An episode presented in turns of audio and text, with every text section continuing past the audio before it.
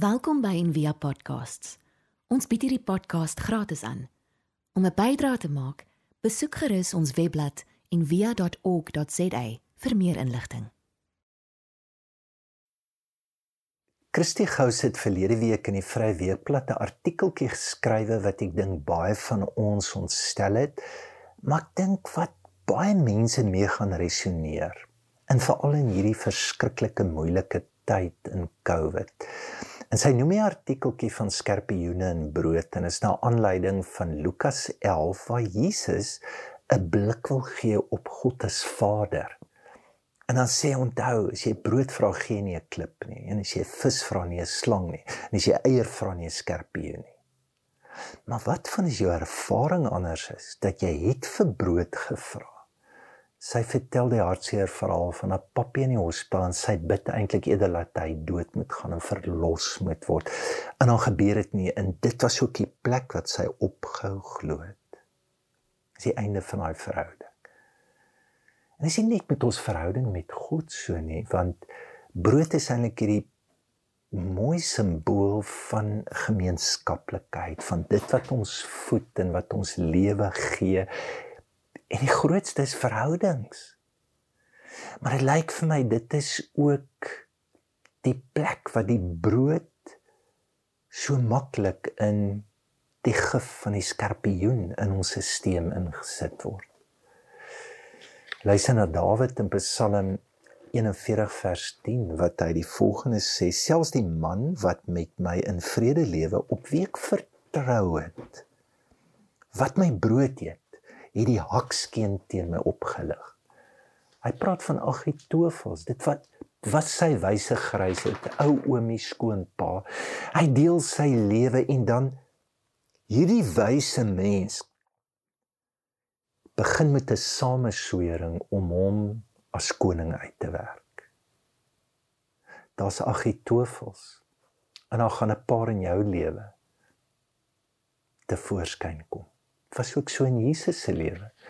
Toevallig al Jesus hierdie Psalm aan in Psalm 41 as hy van Judas praat en hy sê hy wat saam met my brood eet, het sy hakskeen teen my gelig. So wat doen jy as jy getrap word? Wat doen jy as jy voel hoe die angel jou deurboor en jy elke dag hierdie gif en vergiftiging wat jou denke absorbeer, wat jou hele lewe in beslag neem en jy moet daarmee lewe. Wat doen jy? Jesus se raad is gaan in jou binnekamer 'n binnekamer is net 'n metafoor want hulle het nie binnekamers gehad. Sy sê maak die deur toe dan is dit maak die stemme toe. Jy sal die stemme van Agitofel van die skorpioen van hierdie lewe wat jy voel onregverdig is. Jy sal dit moet toemaak want anders gaan hulle jou definieer. En jy sal moet uit 'n baie dieper plek hoor en ervaar En vanuit daardie plek is die enigste plek wat ware vergifnis nodig is. So hy sê gaan in en dan bid jy hierdie woorde: Vergewe en vergewe ons ons oortredings soos ons ook die vergewe wat teen ons oortree het. Dit vra vir 'n diep plek van waaruit ons praat en waaruit ons hierdie lewe kan skenk aan onsself en aan ook aan ons ander. En ek dink vergifnis as 'n mens dit losmaak van gebed, ek dink ons maak dit baie keer meganies. How to forgive is amper soos 'n resep. So asof ons net om verskoning moet vra. Sorry. Kyk, as 'n mens wil verskoning vra, is baie keer is net 'n ander manier om jou gedrag te regverdig. Dit is nie soos iemand wat 'n lisensie gekry het en die kar staan, maar is baie maklik om te vergeet want hulle het nou net hulle lisensie gekry of soos die vrou wat hospitaal gejaag moet word want sy's besig om te kraam en die man oortree die ehm um, spoedbeperking. Dit is baie maklik om dit te vergewe. Maar is nie is nie wat vergifnis is nie verskoning dis nie om hoor jy ek verdra hierdie gedrag ehm um, of ek versag dit dis nie so erg nie. Is nie dit nie. Vergifnis is ook nie om so te gaan nou net nooit weer hierdie gif dink nie. En ja ek het 'n behoefte want ek ek word geabsorbeer ek wil dit nou net nie onthou. Of ek dit nog nie vergewe nie want ek word net die hele tyd hieraan herinner. Dit sal altyd by jou bly jy gaan net jou verhouding verstel met dit wat jy dink dit is nie dat God vergeet ons oortredinge natuurlik kan hy dit onthou maar dit is maar net dat dit beteken dat dis totaal irrelevant in die konteks van sy liefde vir jou. Dit dis die verstelling van 'n verhouding wat die lewe gee.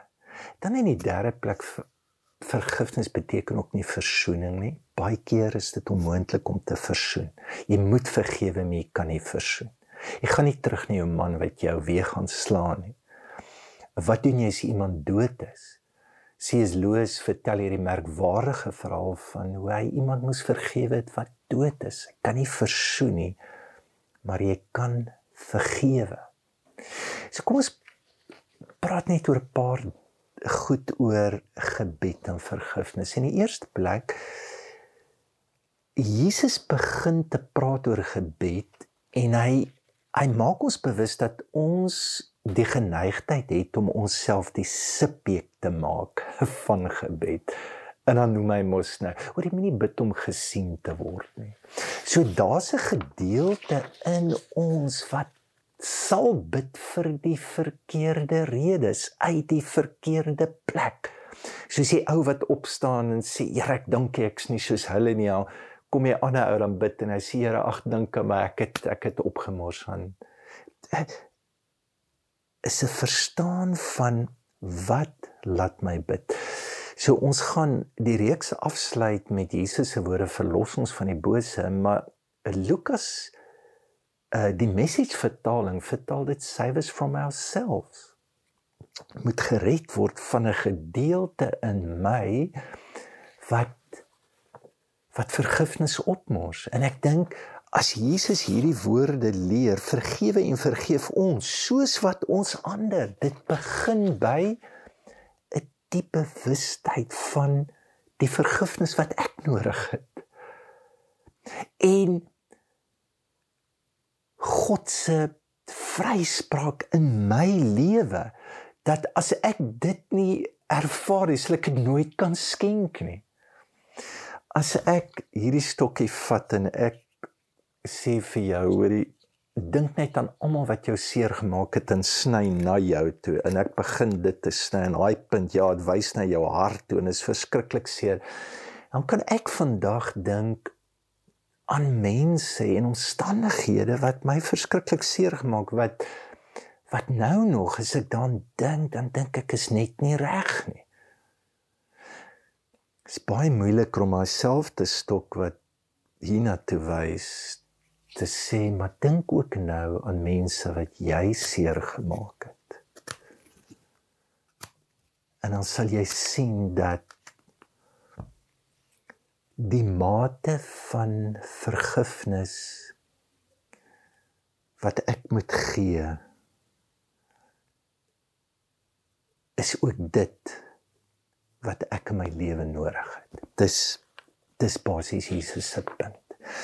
En is uit daai plek wat ons moet vergewe. Vergifnis beteken jy maak God die subjek van gebed. Dis wat dit beteken.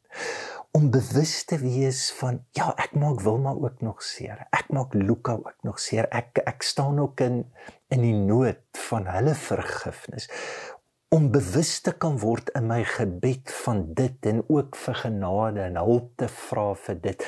Dis die enigste vergifnis wat ek kan gee. In die tweede plek met enige pyn wanneer ek die subjek bly, dan daar's 'n goeie rede daarvoor. Want kyk die wet leer ons ook hoe groter die oortreding, hoe groter die straf. En jy jy voel amper maar hier moet gestraf word. En wanneer word daar gestraf? Is al die Hollywood films wat ons sien. Dis hoe die samelewing saam is. Dat en sodra daar straf is, dan voel ons beter. Maar nou is daar 'n storie in die Bybel van 'n ou met die naam van Lameg. Nou hy is 'n nasaat van Kain. Nou julle onthou die storie van Kain. Hy maak sy boetie dood want die Here aanvaar sy boetie se offer. So hier's die basis van enige vergelding. Hier's die basis van enige daad wat ek nie kan vergewe nie of wat ek nie kan ervaar nie is dat I'm not good enough. Is eintlik wat wat lei tot die eerste moord. En dan is vir my so mooi dat die Here beskerm kan. Die Here sê nie hoor ek gaan wag gaan nou eers jou linkerbeen breek, maar gaan hom onderbreek, dan begin ek bietjie hoër te breek. Jy sal betaal vir dit. Die Here beskerm hom. En die Here sê, "Ek ja, gaan jy." Maar ek wil sê enige iemand wat Kain doodmaak, sal ek my 7 keer oorwreek. Nou hierdie lamege ou is nou interessante. Hy soos die Engelsman nou sê issues. So hy ook uit twee vrouens. Nie een is nie genoeg nie en nou roep hulle nou sê vir hulle. Okay, ek wil net vir julle sê. As daar enige man is wat met my sukkel of enige seun wat my sukkel. Ek sal nie so skyn 7 keer my werk nie. Ek sal 70 maal 7 my werk. Dit is interessant dat hierdie gesprek word deur Jesus aangehaal En um, dit is nou aanleiding van Petrus wat ek dink regtig sy boekie vir oortredings het baie gou vol geraak. Wel dit was baie gou by Jesus vol. Ek kan net dink by al sy vriende en hy vra vir die Here, "Maar moet 'n ou nou 7 keer vergewe want Jode sê moet 7 keer vergewe." En dan sê Jesus nee 70 maal 7. Sê ek bedoel 460 keer 'n dag. So wat jy doen is Jy gee die drang, die behoefte, die begeerte, die gevoelens na vergelding vir die Here. So Deuteronomium sê vers uh, Deuteronomium 32 vers 35 sê my kom die wraak toe en die vergelding. Dis amper iemand wat gesê het letting others off the hook knowing that they are on God's hook dat die Here ten diepste nog sy liefde, sy genade teenoor enige oortreder nog sal gee en dat jy kan vertrou dat God dit sal doen. So is eintlik ongelooflik as jy daaraan dink dat toe Jesus oor vergifnis praat in Matteus 18 en dit is in vers 18 sê hy voorwaar ek sê vir julle alles wat julle op die aarde bind sal in die hemel gebonde wees en alles wat julle op die aarde ontbind sal in die hemel ontbonde wees. So liefde en haat werk met bind en ontbind. En ek dink Jesus gee venster van die kragte ter sprake in vergifnis dat letterlik wat op die aarde ontsluit word word in die hemel ontsluit.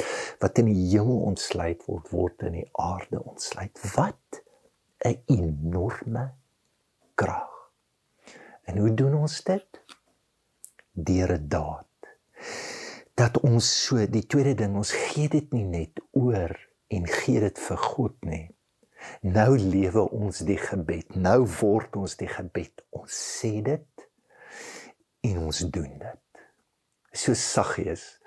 Hy's aan tafel. Jesus se lewe raak hom ten diepste net met te eet en hy staan op en hy sê: "Sê vergewe my." Hy sê en weet julle wat? Ek het mense te nagekom, maar ek wil regmaak. Hy doen restituisie. En toe hy gaan sit, toe staan Jesus op en hy sê, "Today salvation has come for this house. Hold." Nie net vir Saggeus nie. Kyk, kan jy sien dat die hemel word ontsluit? Daar's 'n groter vrylating van God se nabyheid en sy teenwoordigheid wat deur so daad selfs die mense in my huis ten diepste ten diepste raak. beteken my vloek sit ek om in 'n seën. En ons storielyn nê en ek weet ons is lief om mense te idealiseer maar kyk maar na al die karakters en selfs die die vaders die vader van van ons godsdiens Abraham bly in Lot beklei oorwyding aan loop dinge verkeerd aan want hulle nodig om hierdie pad te loop en dan sit Laban en Isak en uh, dan bedrieg dan word dan bedrieg Laban vir Isak. En dan bedrieg hy weer vir Laban en dan kry ons vir Jakob en Esau. Hy steel sy eers dit is 'n is 'n verskriklike opbou van 'n storie wat moet werk na vergifnis toe. En dan kom die storie van Josef en hy eindig so in Genesis 50 gaan staan die boeties voor hom vreesbevange. En dan sê hy: "O ja, julle julle het gedink julle doen kwaad teenoor my. God het dit ten goeie laat uitwerk." Wil jy dit nie vandag glo dat God selfs die kwaad dat God die gif, dat God die pyn in goed kan omskakel. Wat moet jy doen? Die woord vergifnis beteken wegstuur. Soms soos hierdie ou veertjies te vat. Ek onthou as kind as ons nou beklei dan jy die donsvere gesoek van daai dit eh, was baie swaarder kussings daai. Ja, 'n klomp vere saam is 'n enorme gewig. En dit is baie keer wat ons dra, nee, met daai sak so vashou. Maar wat jy eintlik moet doen is om as jy dit wegstuur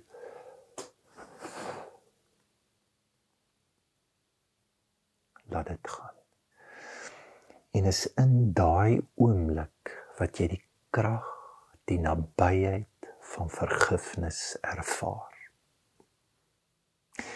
ek wil jou vra vir 'n oomblik wil jy nie net dink aan miskien die vergifnis wat jy nodig het of die vergifnis wat jy vandag aan iemand moet skenk nie. So ek gaan nou opstaan en ek gaan 'n kers aansteek. Ehm um, vir ons almal dan vat ons se tyd. Dalk is daar iets wat jy moet wegstuur. Dan doen jy dit.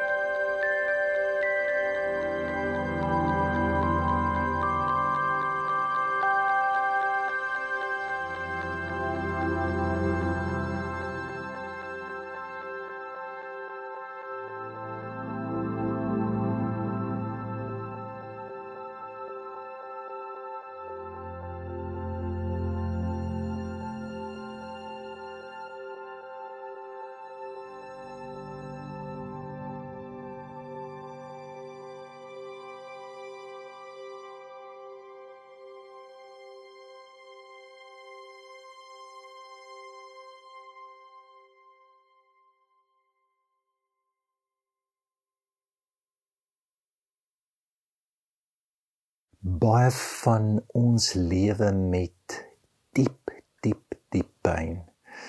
En as jy behoefte het om met iemand te gesels of in verbinding te tree met my, met Wilma of enige ander leraar, dan neem vrymoedigheid. Baie keer vra dit saam bid, saam die pad loop om hierdie gif en hierdie las uit ons lewe uit te skud. Ons hoop van harte jy het hierdie podcast geniet of raadsaam gevind. Besoek gerus en via.ok.za vir meer inligting.